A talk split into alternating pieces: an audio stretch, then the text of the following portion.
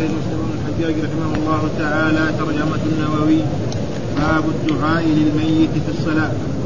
قال وحدثني هارون هارون بن سعيد الايلي قال أخبرنا ابن وهب قال أخبرني معاوية بن صالح عن حبيب بن عبيد عن جبير بن نفير سمعه يقول سمعت عوف بن مالك يقول صلى رسول الله صلى الله عليه وسلم على جنازة فحفظت من دعائه وهو يقول اللهم اغفر له وارحمه وعافه واعف عنه وأكرم نزله ووسع مدخله واغسله بالماء والثلج والبرد.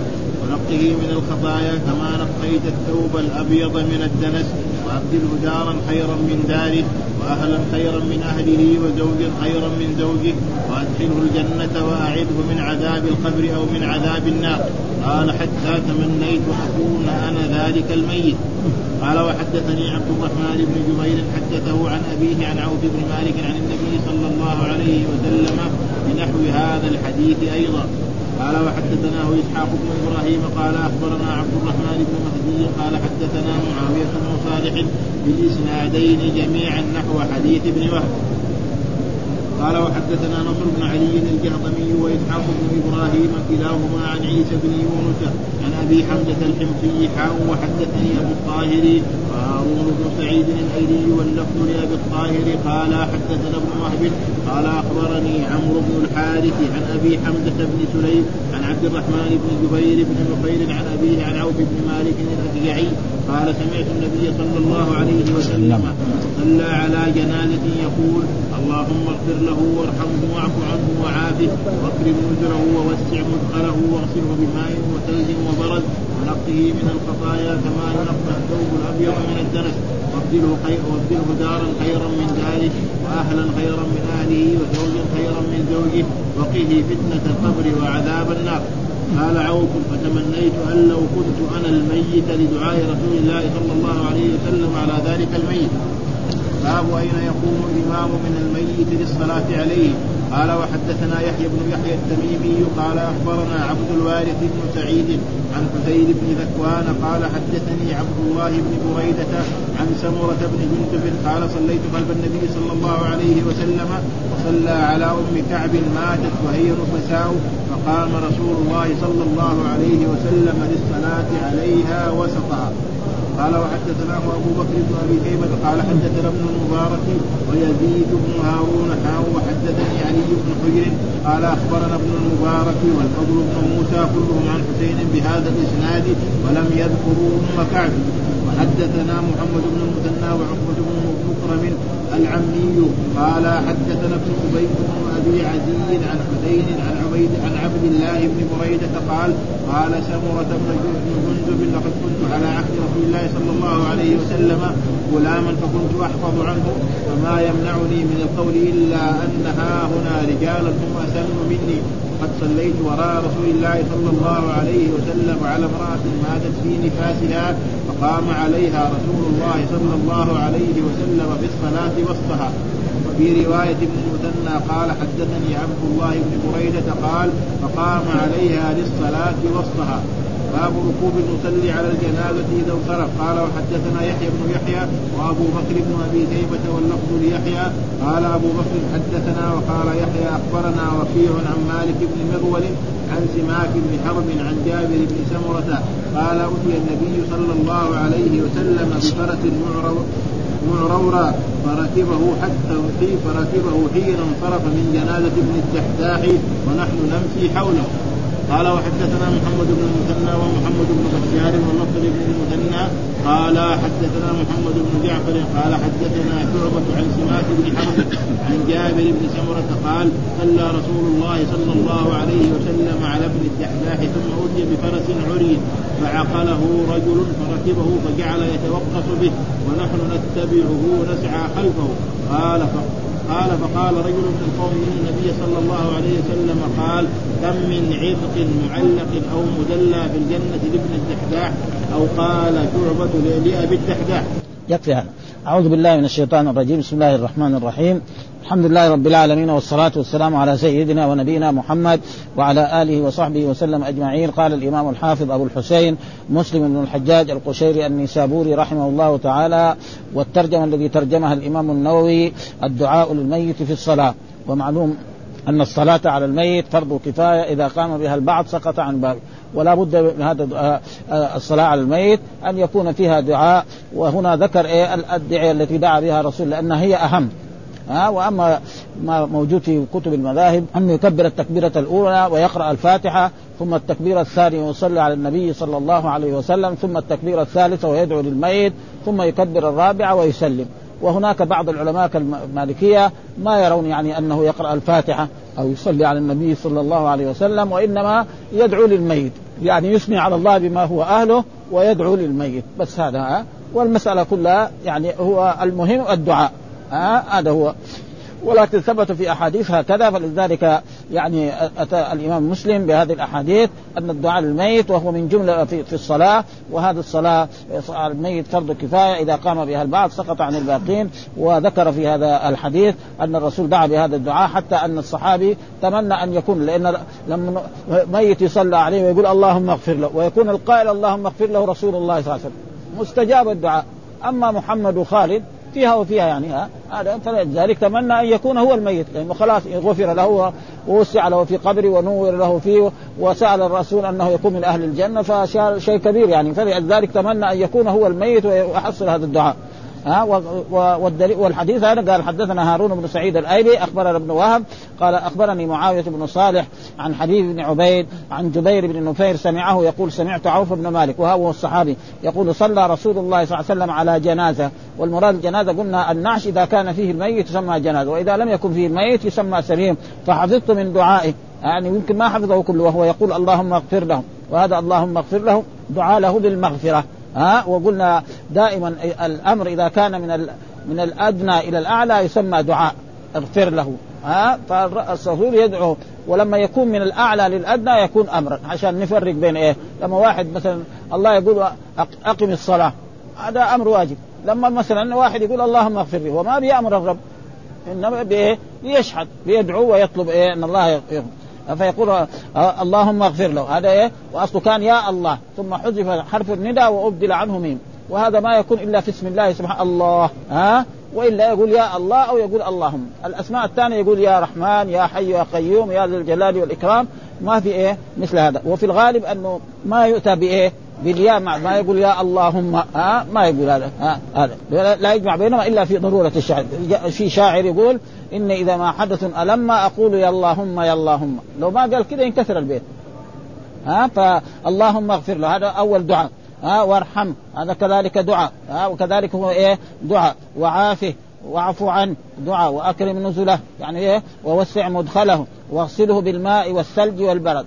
ها؟ ليش؟ لأن إذا ثلاث أشياء مطهرة إذا وصل الإنسان بها يعني ينظف زي ما نحن في عصرنا هنا الآن في يكون ماء مطلق ويكون فيه صابون ويكون فيه كذا في بعض الأشياء ما تغسل إلا مثلا بالبنزين حتى البوية وغير ذلك هذا والغاز.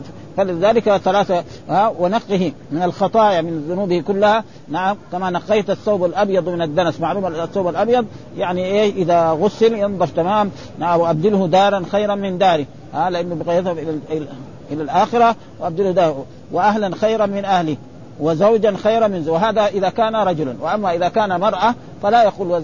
نعم ابدلها زوجا خيرا منه لأن زوجها في الدنيا قد يكون زوجها في الآخرة. وإذا كان تزوجت عدة مرات عدة مرات وهي مسلمة فربنا يخيرها أو هي تختار من تشاء من هؤلاء الأزواج. لأنه ليس ممنوع أن المرأة إذا مات زوجها تقعد. لكن في أجر وثواب إذا كانت مرأة مات مات زوجها وترك أطفال صغار. فهي جلست وربت هؤلاء الأطفال حتى كبروا فإنها لها أجر عظيم في ذلك، وأما إذا ارادت تتزوج فلا يمنعه أحد. آه فإن له وكان أصحاب رسول الله صلى الله عليه وسلم كثير ما يموت. يعني يكفي أن أبو بكر الصديق لما توفي جعفر بن أبي طالب تزوج أسماء بنت عميس. وبعد ما توفي كذلك تزوجها أبو بكر تزوجها عثمان أظن. وغير ذلك فما في يعني لها أن تتزوج. خيرا وأدخله الجنة. وهذا إيه؟ بيت القصيد. هذا أهم شيء. ها وأدخله الجنة وهي دار الكرامة التي واعده من عذاب عذاب القبر ومن عذاب أو من عذاب النار. قال حتى تمنيت أن أكون أنا ذلك الميت.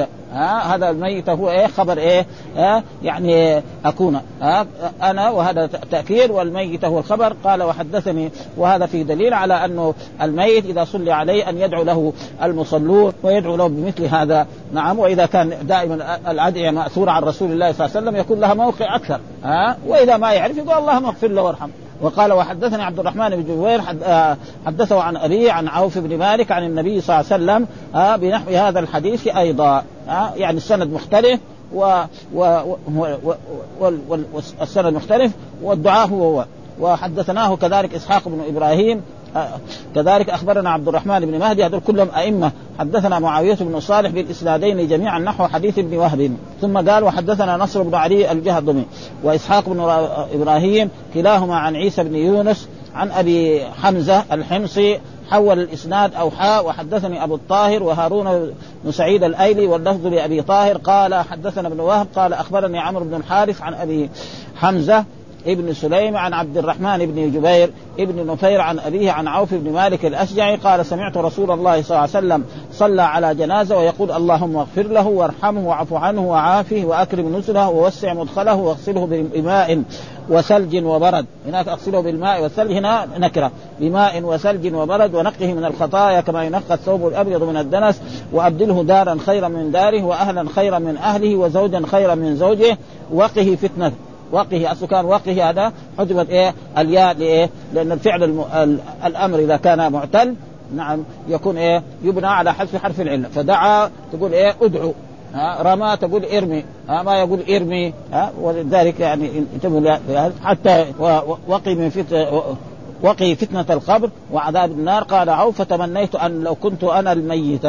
لدعاء رسول الله صلى الله عليه وسلم لأن الرسول لما يدعو لذلك بهذه فدعاء الرسول يستجاب ودعاء الناس كذلك يستجاب. وجاء في أحاديث مرت علينا أن أي ميت مسلم يموت ويصلي عليه مثلا أربعون شخصا أو مئة شخصا غفر له. فمثل هذا المسجد لما يصلى عليه نعم آلاف مؤلفة آه وكلهم يقول اللهم اغفر له وارحم له أو في مكة أو في بعض البلاد فهذا يعني من المشروع ومن يعني الشيء المؤكد أن الإنسان إذا جاءت جنازة مسلم أن يصلي عليها ليكسب هذا الأجر. ولو فرض أنه كان كافرا أو كان منافقا ما يضر. ها آه؟ آه فإن القرآن قال لي آه إن تستغفر له أو تستغفر له بسبعين مرة فلن يغفر الله له. وقال ولا تصلي. وهو ما يدري. فنحن يعني نحسب الناس أنهم كلهم طيبين وكلهم أهل خير ونصلي عليهم ونكسب. فإذا كان هو منافق أو كافر ها ما ينفع هذا الدعاء. والله قال النبي ولا تصلي. والرسول صلى الله عليه وسلم لما صلى عليه قال صلى, على عبد الله أبي قال لو علمت أنه لو زدت الاستغفار أكثر من خمسين لغفر لهم. ها لزدت وقال حدثنا كذلك يحيى بن يحيى بن يحيى التميمي. أخبرنا عبد الوارث بن سعيد عن حسين بن ذكوان. قال حدثني عبد الله بن بريدة عن سمرة بن جند قال صليت خلف النبي صلى الله عليه وسلم. ها وصلى على أم كعب. ماتت وهي نفساء فقام رسول الله صلى الله عليه وسلم للصلاة عليها وسطها وهذا كذلك من الأشياء المشروعة أن الإمام إذا صلى على المرأة يقف في وسطها وإذا صلى على الرجل يقف نعم عند كتفيه. هذا ولكن الإمام البخاري أنا أذكر هذا تمام مر علينا أنه ذكر الأحاديث كلها في الوسط سواء كان رجل أو امرأة في صحيح البخاري. يعني. ولكن الحافظ حجة على من لا يحفظ أو أن هذا الحديث الذي يعني يعني عند كتفي يعني ما هو إيه؟ على شرط البخاري. ولذلك وإلا هو موجود صحيح. ها؟ فمن السنة أن الإمام إذا صلى على رجل يقف يعني عند منكبه أو عند صدره. عند صدره ها؟ عند صدره هذا هو. وعند والمرأة يقف عند وسطها أو عجزها أو خلف خلف الوسط شوية ها؟ قريب من إيه؟ يعني من فخذها فهذا تقريبا وإذا ما فعل هذا ما يؤثر شيء لأنه هذه أشياء سنة. ها لو وقف في أي مكان وصلى ما في. وأما المأموم فإنهم يصطفون خلف الإمام ويصلون على الجنائز فلا نقول انه يقف ها؟ وكل ما كان مثلا الصف عن اليمين كان أفضل مما كان عن اليسار. وإذا كان اليسار ما فيه كذلك إذا صلى عن اليسار يعني حتى في الصلوات الايه المفروضة الصلوات الخمس ها؟ قال أم كعب. وفي رواية إنه ما ذكر إيه؟ مرأة في نفاس ومعلوم أن المرأة التي تموت في نفاسها شهيدة ها؟ ابدا ها؟ المرأة التي تموت في نفاسها شهيدة. فالشهداء في هذه الأمة كثيرون جدا. أعظمهم الشهادة الذي يموت في المعركة. قال الله تعالى عنه ولا تحسبن الذين قتلوا في سبيل الله أمواتا بل احياء عند ربهم. وذكر كذلك المرأة تموت في نفاسها والمطعون نعم والذي يصيب داء البطن وغير ذلك وكذلك الذي بالغرق وكذلك بالحريق. هؤلاء كلهم آه شهداء ها ولكن أعظم الشهداء هو إيه؟ الذي يموت في المعركة. ها ولا تحسبن الذين قتلوا في سبيل الله أمواتا بل احياء عند ربهم يرزقون. فرحين بما آتاهم الله من فضله ويستبشرون بالذين لم يلحقوا من خلفهم ألا خوف عليهم ولا هم يحزنون. وهذا هو السنة. ولا بأس أن يقف يعني عند صدر الرجل وهذا ثابت. ولكن الإمام البخاري ما ذكر. وكذلك نشوف الإمام مسلم الظاهر كذلك وإلى الآن ما, ما أتى كل الأحاديث سنقرأها الليلة. ما في عند عند صدره فكذلك أنه هذاك يمكن ليس على شرط البخاري وليس على شرط إيه؟ مسلم. لأن شرط البخاري لابد أن الراوي هذا يكون اجتمع بإيه؟ بشيخه. في أي بلد. ما يكفي أنه إيه؟ معاصرا له.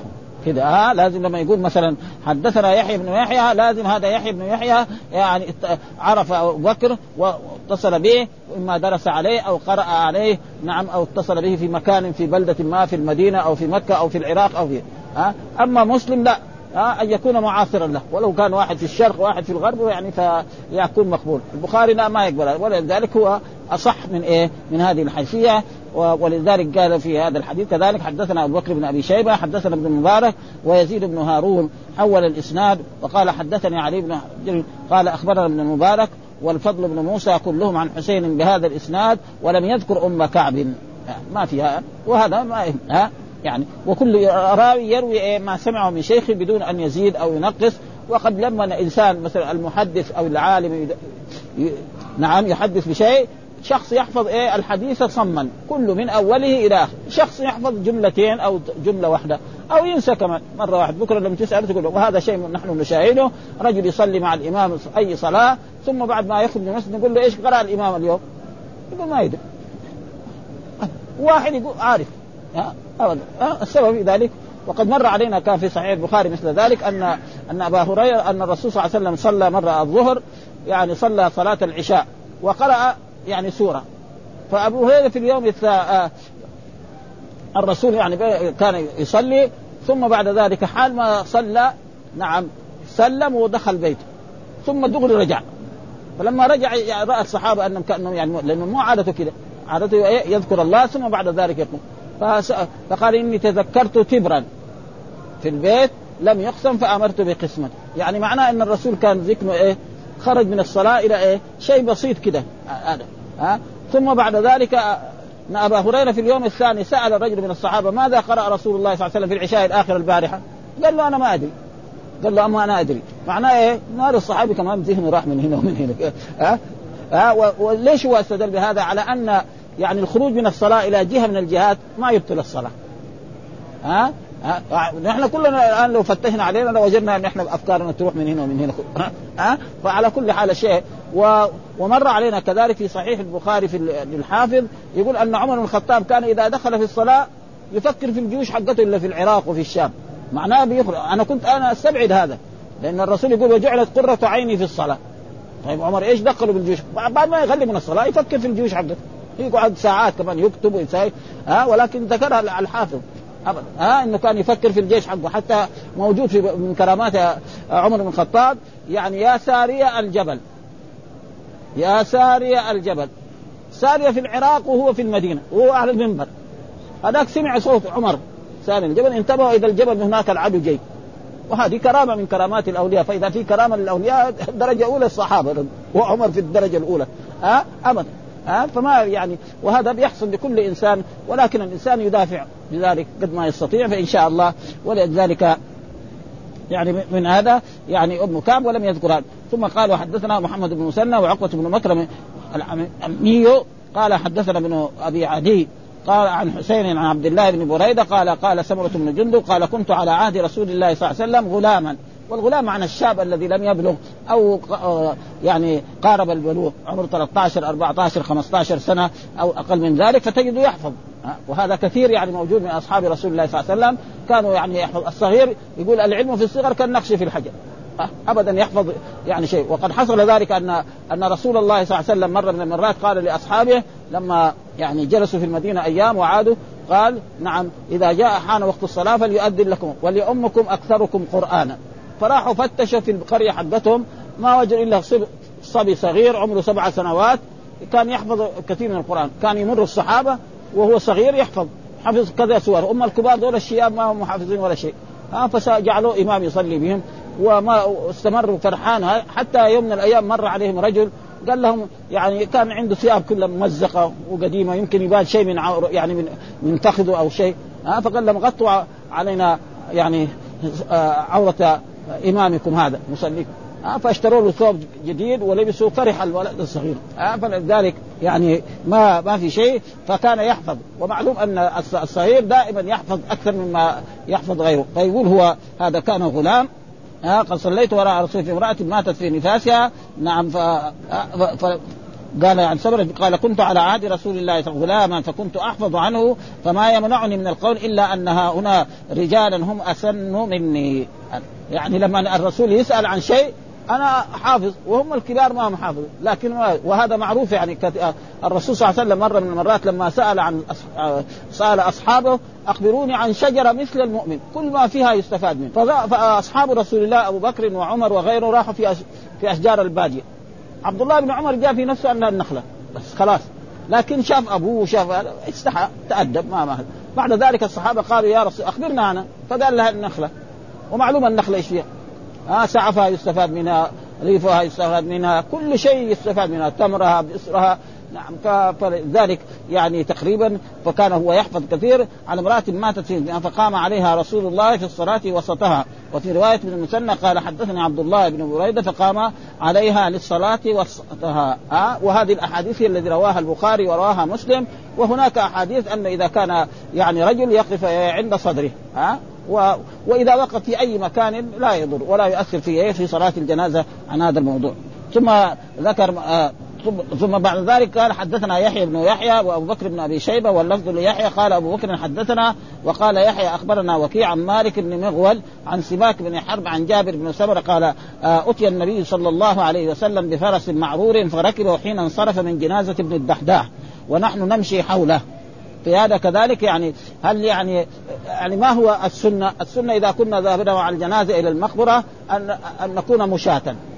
نمشي ما نركب. وإذا انتهى من دفن الميت فله أن يركب بعيرة أو سيارته أو أو حماره أو غير ذلك ولذلك أتى بهذا إنه أما إذا كنا ذهبنا مع الجنازة إلى المسجد أو ذهبنا إلى المقبرة فالسنة أن نمشي ها ولذلك الرسول لما ذهب مع الجنازة كان ماشيا ولما رجع ركب ها وهذا تقريبا ما يدل على إيه هذا قال آه اتي النبي صلى الله عليه وسلم بفرس معرور ها يعني يعني ماله إيه؟ ماله سرد معرور يعني إيه عري يعني إيه ومعلوم العربي يقدر بعض الناس لو ذكرته على الفرس معرور يطيح في الأرض. ما لأنه ما ولي ما في عربي يعني إلا يعرف هذا. كأولادنا الآن في عصرنا هذا كل طفل صغير يعرف جميع السيارات اللي في الشارع. يعرف موديلها. أي طفل عمره 12 سنة تقول له السيارة هذه إيش شكلها؟ يقول لك موديلها 91 هذا. 90 8 ها وإيش نوعها كمان يعرف؟ يعرف الأمريكاني من, ال...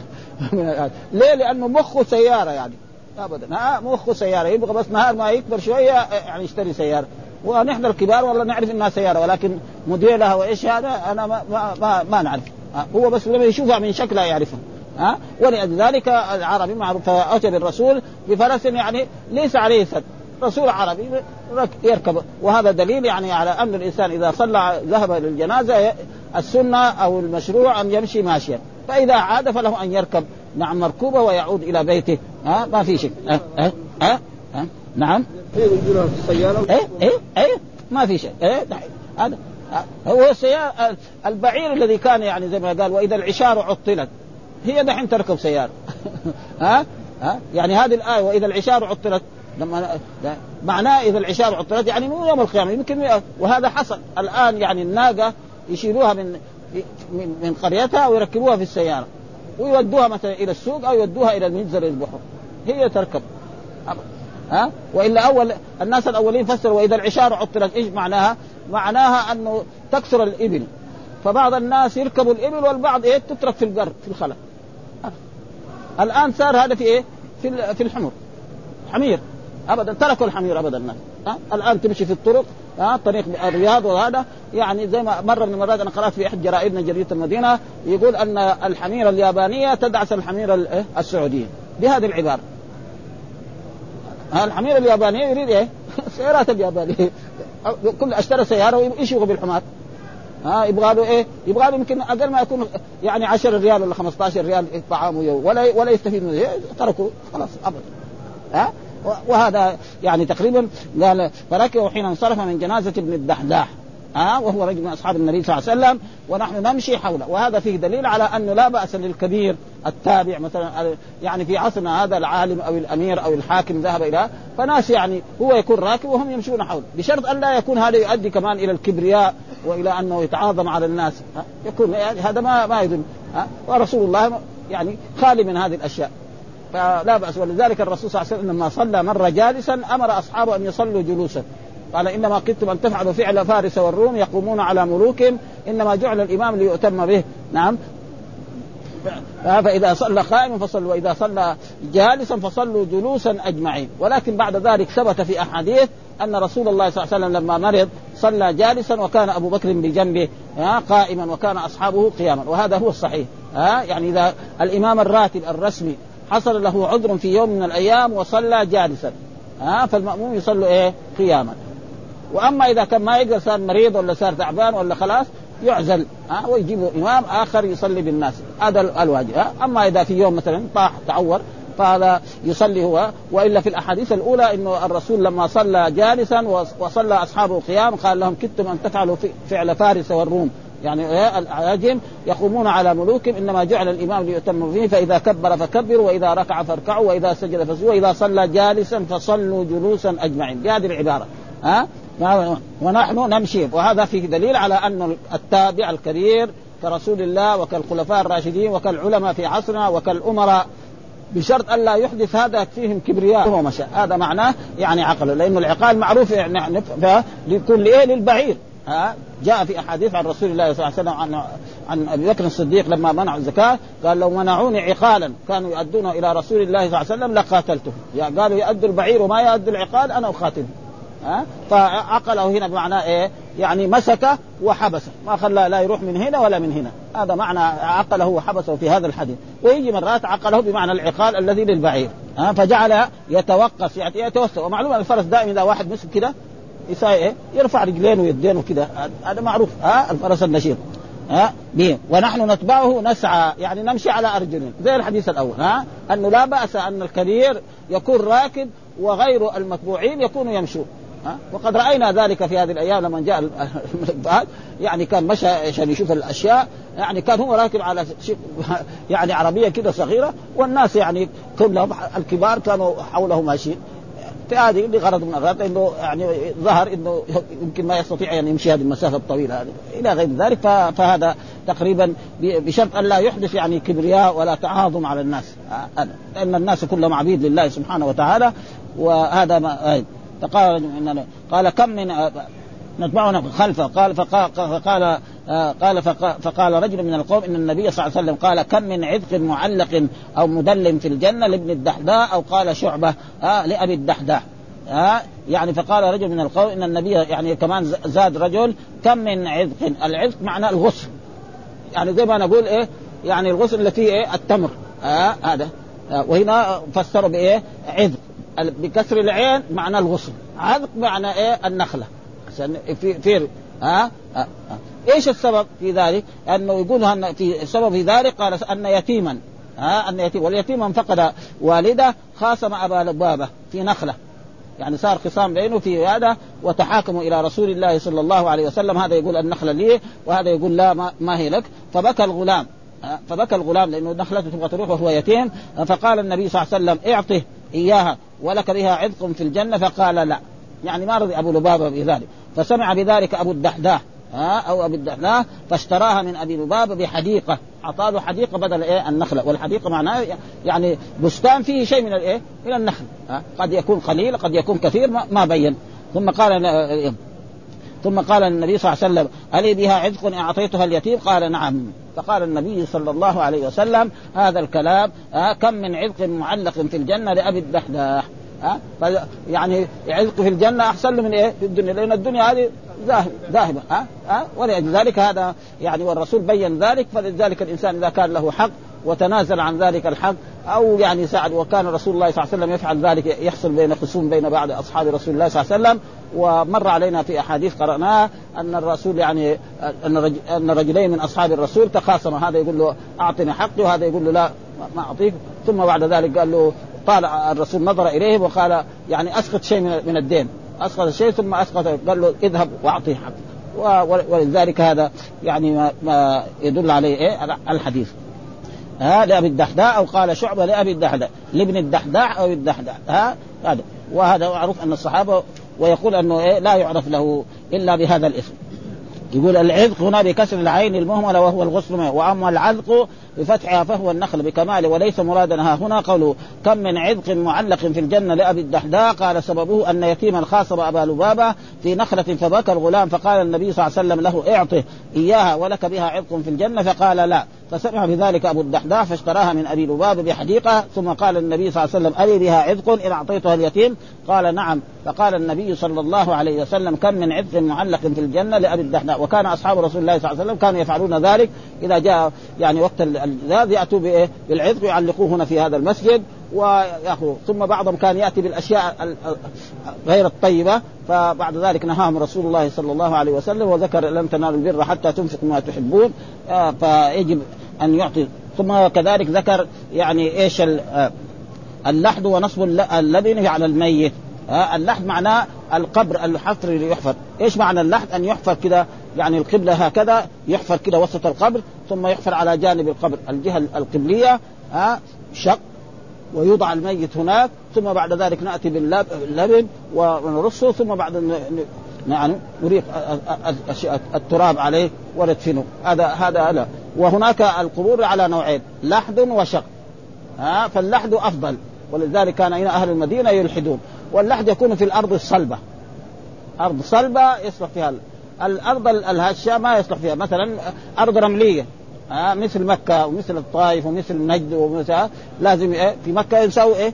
كناية عن يعني يحفروه ويبنوه بالإسمنت وبلا هذا ثم بعد ذلك يضعوا الميت ثم يأتوا بحجر هكذا ويضعوه عليه. ويقعد يعني هذا. فاللحد ولذلك لما توفي رسول الله صلى الله عليه وسلم الصحابة بعد ما غسلوه قالوا هل نلحد له أو نشق له؟ فأرسلوا إلى يعني عاملين. أحدهما يلحد والآخر يشق فأتى الذي يلحد.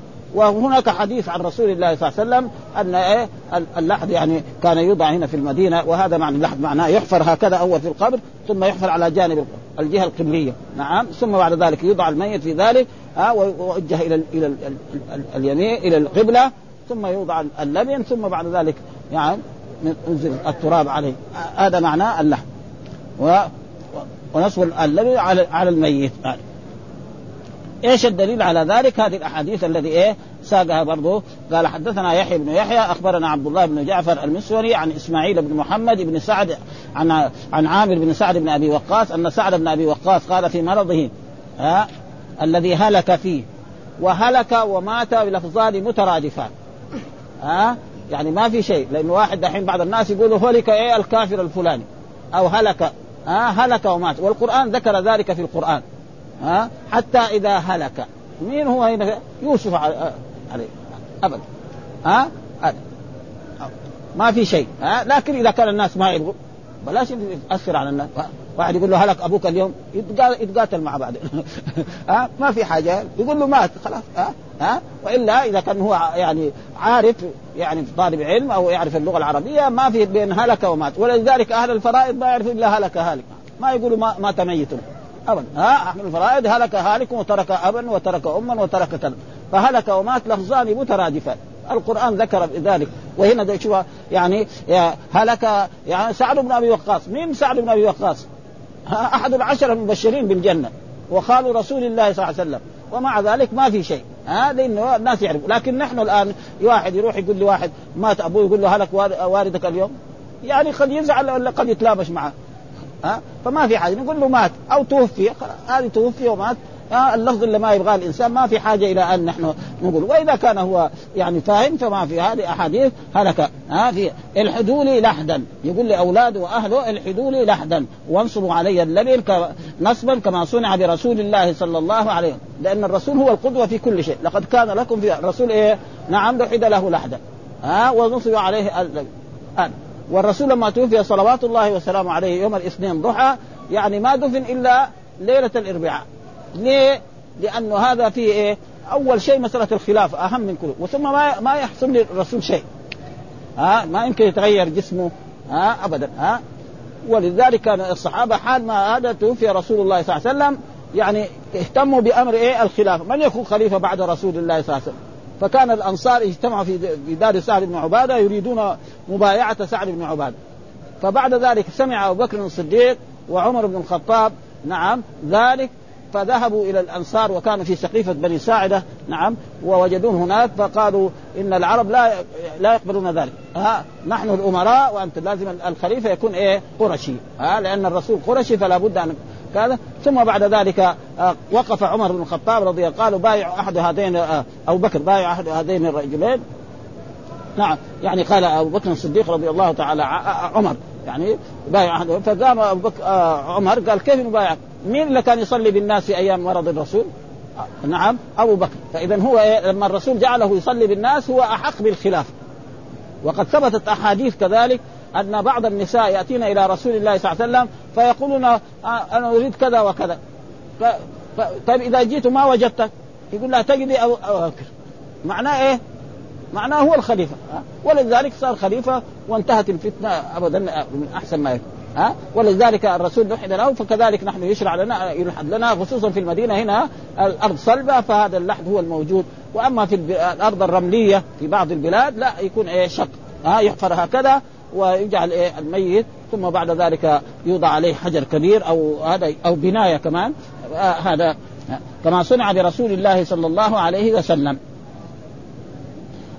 قال الحدوا لي لحدا وانصروا علي اللبن نصبا كما صنع برسول الله. فيه استحباب اللحد ونصب اللبن وأنه فعل وأنه فعل ذلك برسول الله صلى الله عليه وسلم باتفاق الصحابة رضي الله تعالى عنهم. وقد نقلوا أن عدد لبناته صلى الله عليه وسلم تسع. ها؟ آه الآن يعني يمكن اللبنات في عهد رسول الله كانت أكبر من هذا. الآن تسعة ما يكفي يعني في إيه؟ بس بالنسبة للمال ولا يلزم من ذلك أن الرسول آه، كان تسعة لازم تكون إلا تسعة. هذا ما هو لازم. وقوله صلى الله عليه وسلم جعل في قبر بعد ذلك ثم ذكر قال حدثنا يحيى بن يحيى أخبرنا وكيع وحدثنا أبو بكر بن أبي شيبة حدثنا غندر ووكيع جميعا عن شعبة حول الإسناد وقال حدثنا محمد بن المثنى واللفظ له قال حدثنا يحيى بن سعيد حدثنا شعبة حدثنا أبو جمرة عن ابن عباس قال جعل في قبر رسول الله صلى الله عليه وسلم قطيفة حمراء وقال مسلم أبو جمرة واسمه نضر بن عمران وأبو التياح اسمه يزيد بن حميد مات بسرخس. ها؟ يعني كل إنسان يموت آه مهما كان صحابي أو تابعي أو عالم أو أمير أو ملك أو وزير آه نحطه مع الأرض. آه نحفر القبر ونجعله على التراب. إلا رسول الله صلى الله عليه وسلم فإنهم إيه جعلوا له قطيفة حمراء يعني كناية يعني بطانية كذا أو شيء قطيفة حمراء. هذا خاص برسول الله صلى الله عليه وسلم ولا يجوز لأحد واحد مات ملك أو كبير يقول لا لازم نحن نجيب له إيه فراش نجيب له مرتبة. ومخدة كمان. هذا ما يصح ها؟ إلا لرسول الله وهذا شيء خاص بر... ومعلوم خ... يعني أشياء التي تخص رسول الله صلى الله عليه وسلم كثيرة جدا ها؟ يعني في كثير أشياء منها يعني من يعني أن الرسول صلى الله عليه وسلم أنه يقبل الهدية ويأكل منها ها؟ ولا يقبل الصدقة ولا يأكل منها ها؟ وفي هناك خصائص كثيرة يعني منها يعني الخصائص الكبرى للسيوطي مجلدين كتاب. ابدا. وكثير الرسول يختص بأشياء يعني دو دو دون غير منها فهذا خاص برسول الله. مهما كان الإنسان غني أو ملك أو أمير أو ولي أو صالح أو صحابي ابدا هو مع ابدا. ها؟ ورسول الله هذا شيء خاص برسول الله صلى الله عليه وسلم. ولذلك ذكروا هذا أنه من خصائص رسول الله صلى الله عليه وسلم. ولغيره لا يجوز لغيره. ها؟ في قبر جعل في قبر رسول الله قطيفة حمراء. قال مسلم أبو جبرة اسمه نصر بن عمران وأبو التياح اسمه يزيد بن حميد. مات بسرخس. ها؟ يعني من التابعين ماتوا وهذا يعني هذا يعني أبو جمرة موجود في السند. موجود في السند. الثاني ده أبو التياح ما هو موجود في السند. إيش جابوا ومسلم مين؟ مسلم هو ابن مسلم بن حجاج صاحب الصحيح هذا. يعني ما له علاقة هو. لكن ليه؟ لأنهم هم تابعان وماتوا في إيه؟ في مكان واحد.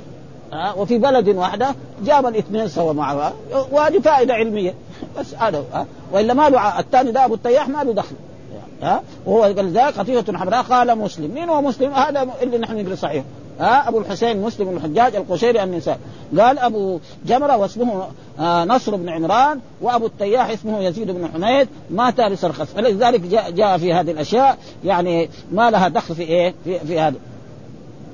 يقول هنا في في, في نفس هذا قال ف يعني بسرخس قال أبو جمرة بالجيم وكلهم الضبع الضبع بضم الضاد المعجم وفتح الباء الموحدة أما سرخس فمدينة معروفة بخراسان وهي بفتح السين والراء وإسكان الخاء. المعجم يقال أيضا بإسكان الراء وفتح الخاء والأول أشهر وإنما ذكر مسلم أبا حمزة وأبو التياح جميعا مع أن أبا جمرة مذكور. ها في الإسناد. ولا ذكر لأبي التياح هنا لاشتراكهما في أشياء قل أن يشترك فيها اثنان من العلماء لأنهما جميعا ضبعان ها بصريان. يعني يشتركوا كلهم يعني القبيله الضبعي هذه واحد. وبصريان وتابعان وثقتان وماتا بسرح عشان هذا جابهم جمعهم في هذا ها؟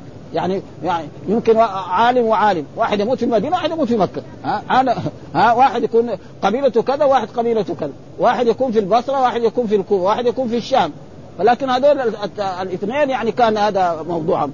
أنهم كلهم تابعين وكلهم يعني يعني القبيلة واحدة وكلهم بصريين وكلهم ثقات فلأجل ذلك دخل هذا في هذه الأشياء. وهذا يعني البخاري أشياء زي هذه أكثر من هذا. هذا يعني قليل في صحيح مسلم. يعني ما بيخرج عن موضوع أحاديثه ودرسه إلى دروس ثانية برا. ها؟ ولكن البخاري ابدا كثير يعني مر علينا في هذه الأشياء. يعني فهذا يعني سبب إيه؟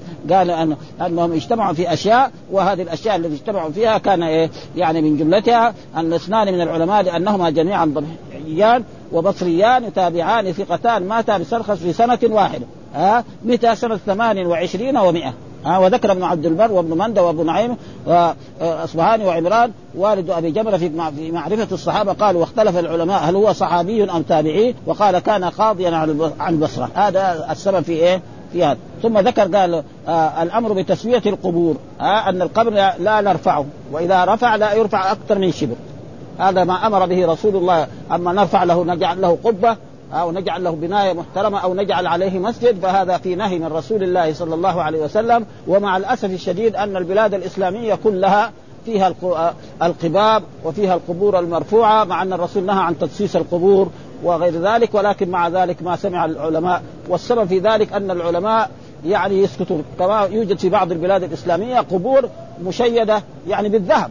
في العراق وفي في في هذا في في في, في, في, في, في إيران يعني بالذهب. القباب الناس يموتوا جوعا ويسووا هذا ولذلك يعني في احاديث وأحاديث كثيرة يعني في البخاري وفي مسلم وكل كتب السنة. ولكن مع ذلك لا حول ولا قوة إلا بالله. يقول أمر بتسوية القبور. إيش تسوية القبور؟ قال حدثنا أبو الطاهر أحمد بن عمرو حدثنا ابن وهب أخبرني عمرو بن الحارث حول الإسناد وقال حدثني هارون بن سعيد الأيلي حدثنا ابن وهب حدثني عمرو بن الحارث.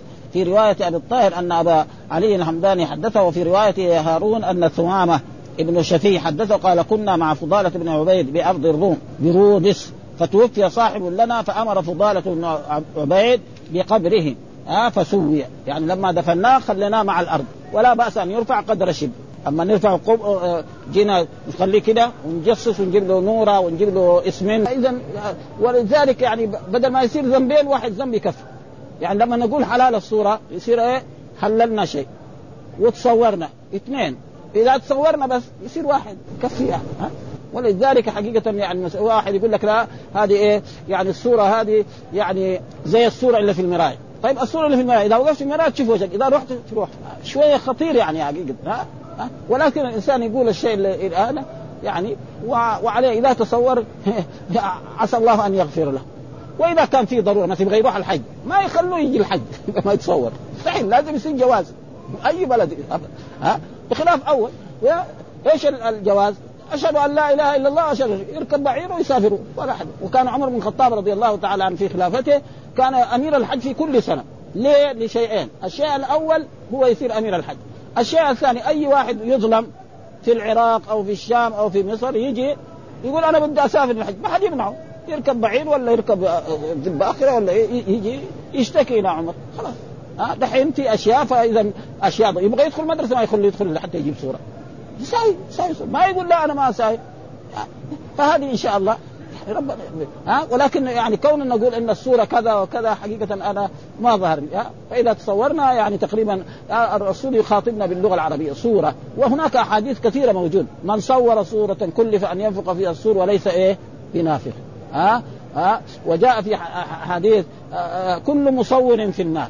بهذه العبارة. كل مصور كل من ألفاظ العموم. زي كل نفس ذائقة الموت. هي الضروره خلاص إذا الضروره يساوي. لكن لا يقول حلال. اي اي اي خلاص. ما ما ما يمكن. ما يخليه يروح الحج.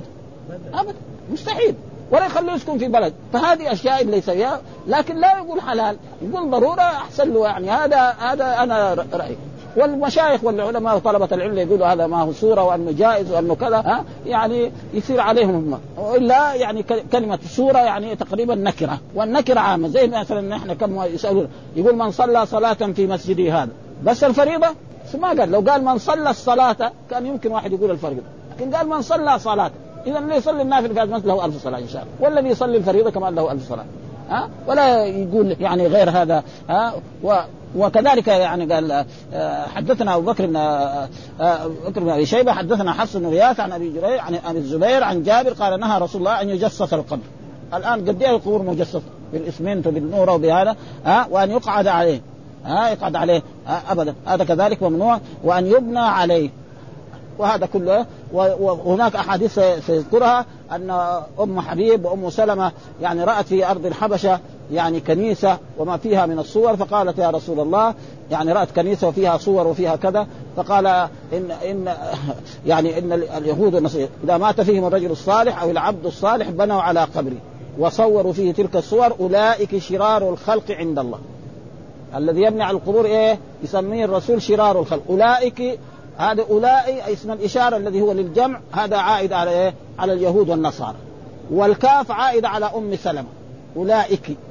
لأن هي اللي أخبرت الرسول لأن رأت راحت ذهبت إلى أرض الحبشة ورأت هناك ما يفعل يعني اليهود النصارى لأن الحبشة كان إيه؟ نصارى. فهذا موجود الآن كثير من البلاد الإسلامية تجد يعني مسجد وتجد عليه قبة كبيرة بل تجد في بعض البلاد الإسلامية بعض القبور يطاف بها كما يطاف ببيت الله الحرام. بلاد إسلامية ما هي بلاد نصارى. ها يطاف بقبر كما يطاف يعني يدور دوره. ها لا يطاف ببيت في الدنيا إلا بالكعبة. وأحد ولا أحد ينكر هذا. بل في ناس هناك مشايخ كمان مصالح دنيوية يحصلوا فلوس. ترمى لهم النذور وترمى لهم ولذلك المصائب اللي بتجي على المسلمين اسبابها هذه الأشياء ها؟ يعني أشياء مثل ذلك فلذلك الرسول نهى عن ذلك ونهى عن بناء القبور على المساجد وأمر بإيه؟ بهدم هذه القباب ولذلك ولله الحمد في المملكة العربية السعودية يعني أزيل هذه الأشياء ولكن بعض البلاد وأما في عادت في العراق وفي في, في إيران عادت قبه من الذهب ناس جيعانين ما يحصلوا خبز ياكلوا. وناس يبنوا قبة من الذهب هذا إيش؟ ها؟ ها؟ وقال وحدثنا كذلك هارون ابن عبد الله حدثنا حجاج بن محمد وحول الإسناد وقال حدثنا رافع حدثنا عبد الرزاق جميعا ابن جرير قال أخبرني أبو الزبير أنه سمع جابر بن عبد الله يقول سمعت النبي صلى الله عليه وسلم يقول بمثله وهو إيه؟ بمثل هذا. نهى رسول الله أن يجسس ونهى بمعنى حرم دائما أن يجسس القبر وان يقعد عليه وأن يبنى عليه. وكذلك الحديث اللي بعده كذلك حدثنا يحيى بن يحيى أخبرنا إسماعيل بن علي عن أيوب عن أبي الزبير عن جابر قال نهى آه عن تقصيص ها ومعنى التقصيص معنى تبييض القبور. وحدثنا زهير ابن حرب وحدثنا جرير عن سهيل عن أبي هريرة قال قال رسول الله إن يجلس أحدكم على جمرة فتحرق ثيابه فتخلص إلى ها إلى جلده خير له من أن يجلس على قبر. ها وكذلك من الأشياء أن الإنسان لا يجلس وهنا الجلوس المناسب الحسي. يعني فسره بعض الجلوس يعني يكون قبر ويجي يجلس عليه. ها وفسره بعض العلماء أن يتغوط عليه ها وكل صحيح. هذا ما يجوز وهذا ما يجوز ها ها فتحرق ثيابه فتخرج إلى جسدي خير من أن يجلس. فلا فيجب خير من أن على قبر فالجلوس على القبور لا يجب وكذلك المشي بالقبور بالنعال هذا كذلك يعني على كل حال يمكن يكون مكروه ها ها يعني وسيأتي برضو أحاديث. هل يجوز للإنسان أن يمشي المقبره بالنعل؟ ها ففي أحاديث أن الرسول رأى رجل يمشي بين القبور فقال انزعن عليه. يا صاحب السبتتين يعني نعال. وبعضهم يرى أن هذا يعني هذا السبتتين يعني في نعال فيها شيء من الكبر في ذلك الزمن. ها ف وبعضهم جاء في أحاديث إن إن الميت لا يسمع قرع نعالهم. يعني لما ينصرفوا عنه يسمع قرع. وعلى كل حال فإذا أمكن وإذا ما أمكن للضرورة يعني فان شاء الله انه ما يكون شيء. ويكفينا إلى هنا. والحمد لله رب العالمين وصلى الله وسلم على نبينا محمد وعلى آله وصحبه وسلم.